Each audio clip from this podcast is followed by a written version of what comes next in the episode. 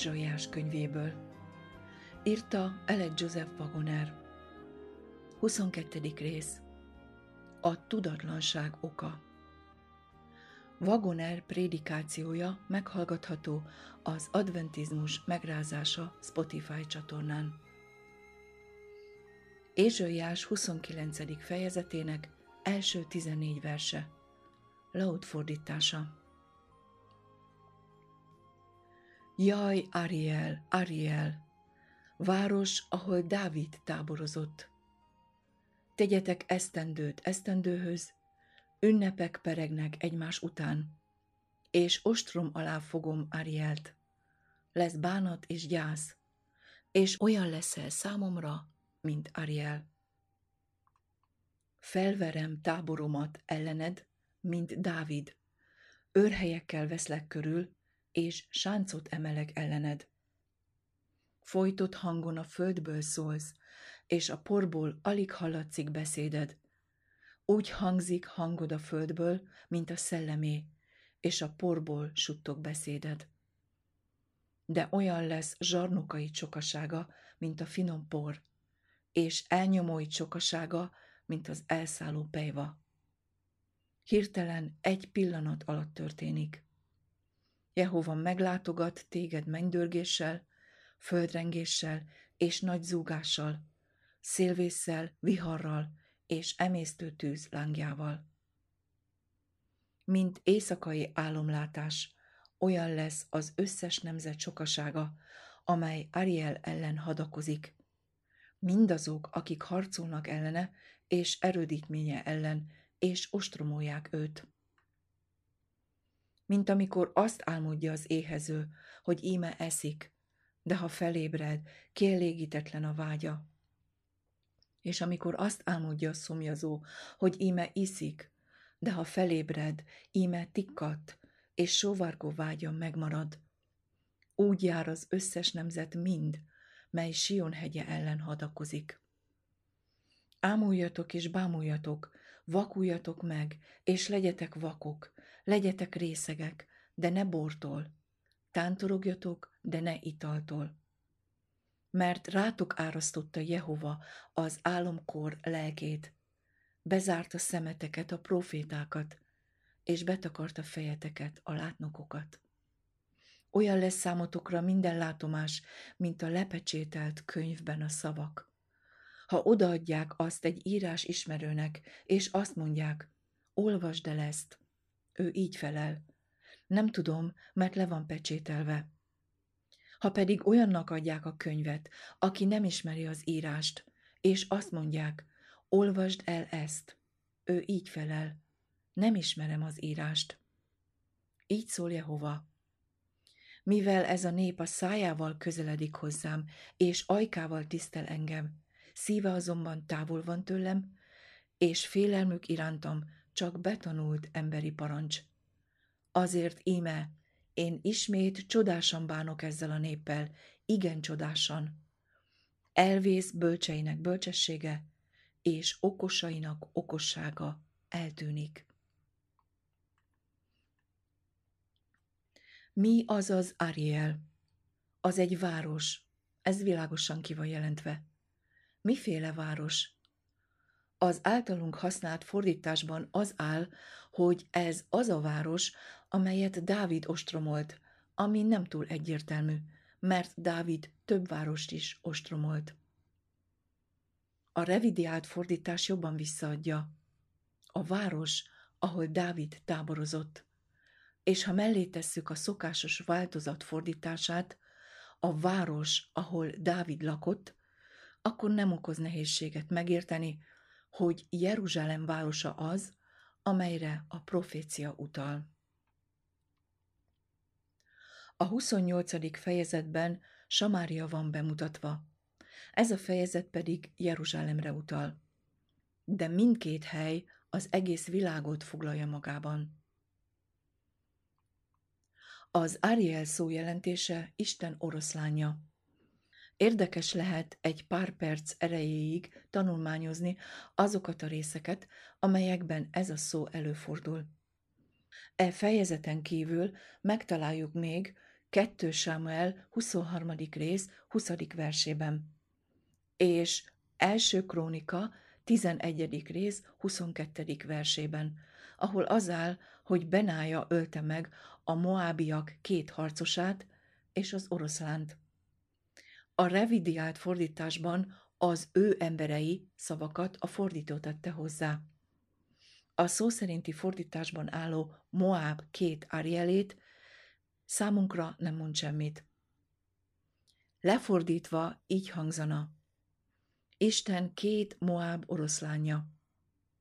Nos, ha emlékszünk arra, hogy a Biblia az isteni kifejezést gyakran használja a nagyság, igazság, felülmúlhatatlanságának kifejezésére, lásd Zsoltár 36. rész 6. verse és Apostolok cselekedete 7. rész második verse, mindkét esetben széljegyzetekkel, akkor megértjük, hogy Benája megölte Moab két nagy oroszlányát. Tehát az Ezékiel 43. rész 15.-16. verseiben ez a szó újra megjelenik, és ott oltárnak fordították. A széljegyzetben egyik esetben Isten hegyét olvassuk, a másikban pedig Isten oroszlányát. Ezt akkor érthetjük meg, ha emlékszünk arra, hogy a templom, amelynek az oltár volt a lényeges része, a Sion hegyén állt, és a templom Jeruzsálemet szimbolizálta. Jeruzsálem az igaz Isten imádat központjának jelképe, ezért minden ítélet, amely Jeruzsálemre száll, Jehova imádatának megrontása miatt, bizonyára mindenütt bekövetkezik, ahol az Isten imádatot megrontják. Azt is meg kell jegyeznünk, hogy a jaj Ariel helyett olvashatjuk azt is, hogy ó Ariel, ahogyan a revidiált fordításban van, és ahogyan a szokásos fordítás széljegyzetében is olvashatjuk.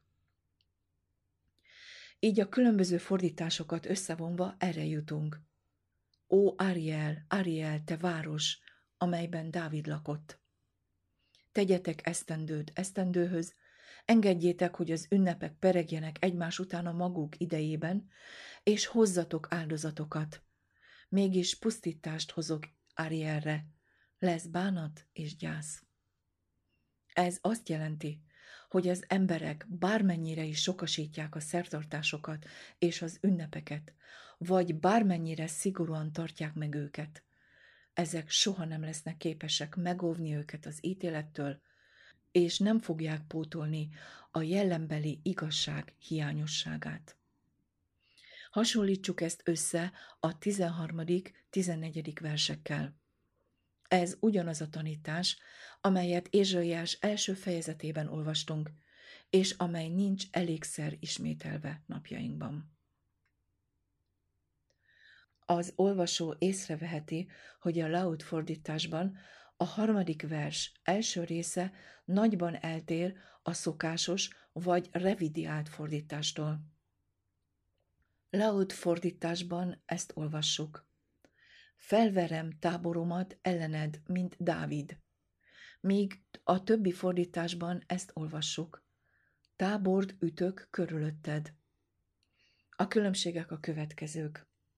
A Héber kör szó csak az utolsó betűben különbözik a Héber Dávid szótól, és ez a két betű annyira hasonlít egymásra, hogy könnyen félreérthető. Ezért néhány régi kéziratban Dávidot írtak. A valóságban ez jelentéktelen dolog, és csak azért hívom fel rá a figyelmeteket, hogy megértsétek, az ilyen apró különbségek nem befolyásolják a jelentést. Ha így olvassuk, hogy felverem táboromat ellened, mint Dávid, akkor ez ugyanaz, mint tábord ütök körülötted, mert Dávid ezt tette. Most már elolvashatjuk a többi verseket, hogy lássuk a teljes képet. Jeruzsálem nagyon lelkismeretesen megtartotta a törvény minden külső formáját, idejét, és sok minden mást, aminek amúgy semmi köze nem volt a törvényhez. viszont figyelmen kívül hagyta a törvény fontos dolgait, nevezetesen az ítéletet, az irgalmat és a hitet. Ezért az asszírok, majd a babiloniak, később pedig a rómaiak ostromolták meg és rombolták le. Ezek a pogány és gonosz nemzetek a maguk rossz állapotában Isten eszközei voltak, így maga Isten mondhatta, hogy ő indult a város ellen. A régi Jeruzsálemet ért ítéletek csak előképei voltak annak a végső pusztulásnak, amely mindazokra lesújt, akik úgy döntenek, hogy Isten útja helyett a saját útjukat követik.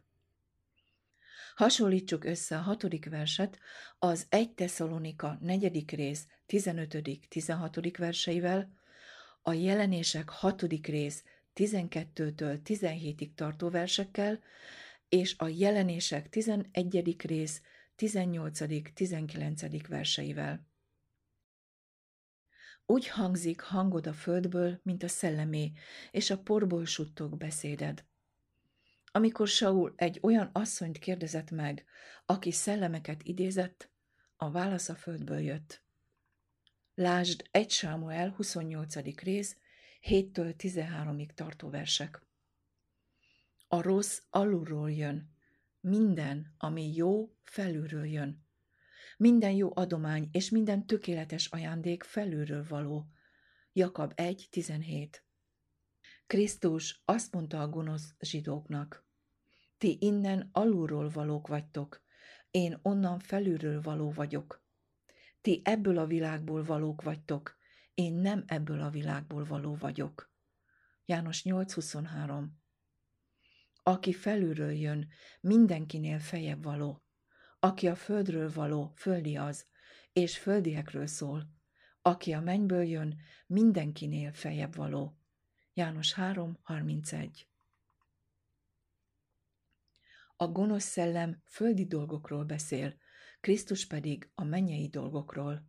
Zsidók 12.25 Jeruzsálem pusztulása hirtelen következik be, mert az Úr meglátogatja mennydörgéssel, földrengéssel és nagy zúgással, szélvésszel, viharral és emésztő tűz lángjával. Hatodik vers.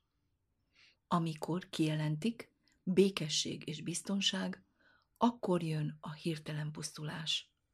1 Tesszalonika 5, 3 A kevélyek sokasága olyan lesz, mint a pejva, amely elmúlik mert íme eljön az a nap, és izzik, mint a sütőkemence.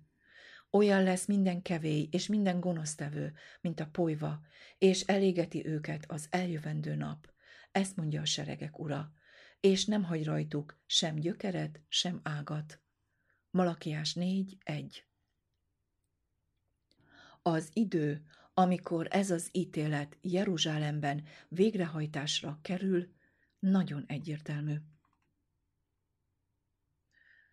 Mint éjszakai álomlátás, olyan lesz az összes nemzet sokasága, amely Ariel ellen hadakozik. Mindazok, akik harcolnak ellene és erődítménye ellen, és ostromolják őt.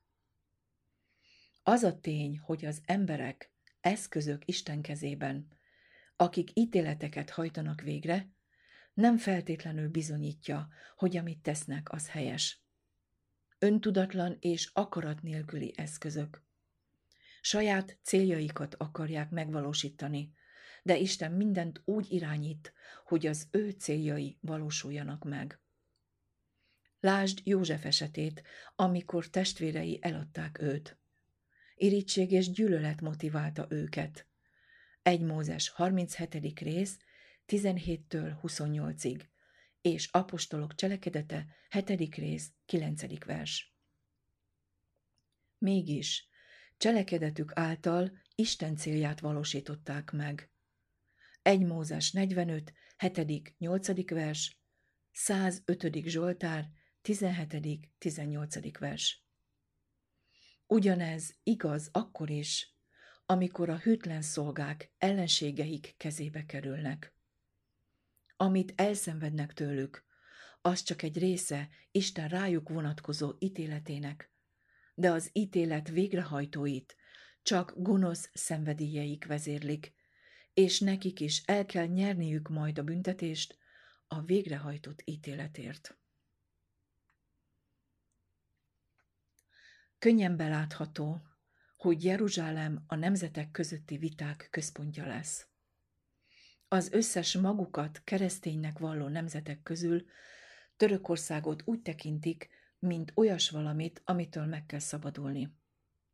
Az evangélium úgynevezett szolgái évek óta kiáltanak a törökökön végrehajtandó bosszúért, és szidják a kormányfőket, amiért lassúak a törököket megsemmisítő háború megkezdésében. A török birodalom már régen megszűnt volna Európa része lenni, ha a többi kormány megegyezett volna abban, hogy ki legyen az utódja. Idővel ki lesz űzve, és amikor a török birodalom Ázsiára korlátozódik, Jeruzsálem lesz a természetes fővárosa, mivel sok szempontból a legfontosabb város.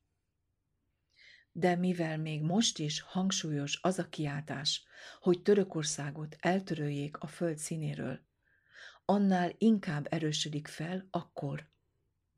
Jeruzsálemben tehát a nemzetek seregei összegyűlnek majd, amikor az Úr megjelenik lángoló tűzben, hogy bosszút álljon azokon, akik nem ismerik Istent, és nem engedelmeskednek az evangéliumnak. Amikor az Úr megjelenik a felhőkben, minden gonosz megsemmisül megjelenésének dicsőségétől. 2 Tesszalonika 2.8 Ez csak a pusztulásuk kezdete lesz. Krisztus megjelenésekor az összes igaz feltámad romolhatatlanságban, és elragadtatnak a felhőkben az Úrral. 1 Tesszalonika 4, 16-17 és 1 Korintus 15, 51, 52. A többi halott, a gonoszok azonban nem kelnek életre, egészen az ezer év végéig. Ez idő alatt az igazak ítéletet tartanak Krisztussal a mennyben. Jelenések 20, 5, 6. Amikor eltelik az ezer esztendő, a sátán eloldatik fogságából, és kimegy, hogy megtévessze a föld négy sarkán lévő népeket, Gógót és Mágógot, hogy összegyűjtse háborúra azokat, akiknek annyi a számuk, mint a tenger homokja.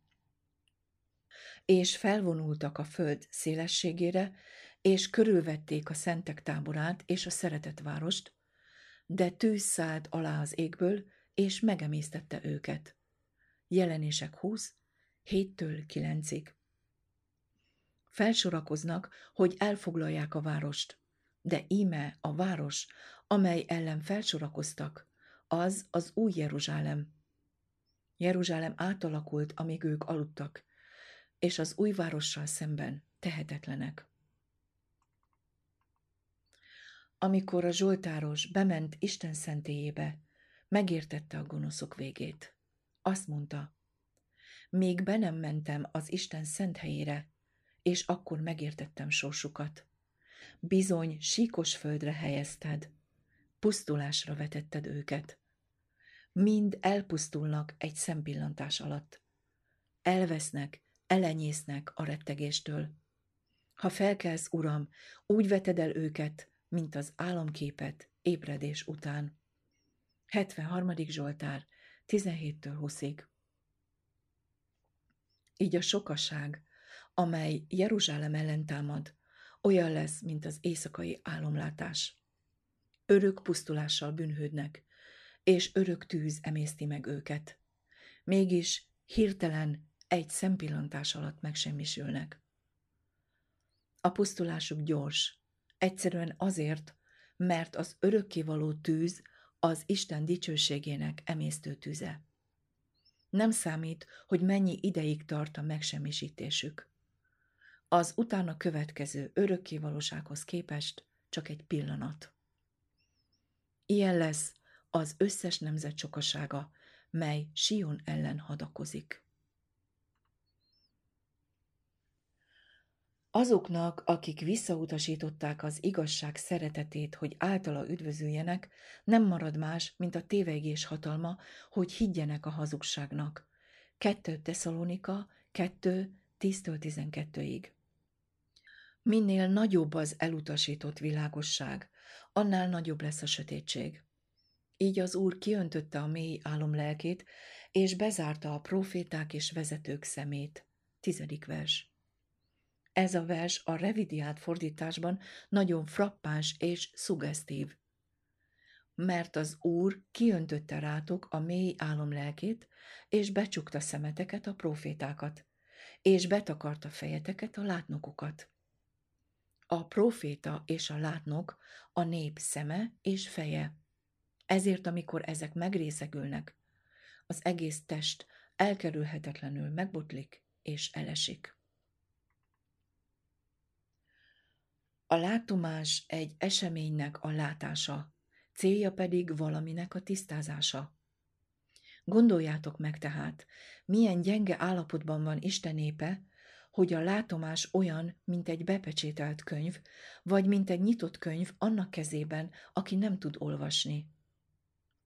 Ézsaiás 29. rész, 11. és 12. versei a nagy tudatlanság idejét mutatja be.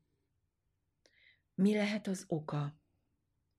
Maga az Úr válaszol a kérdésre.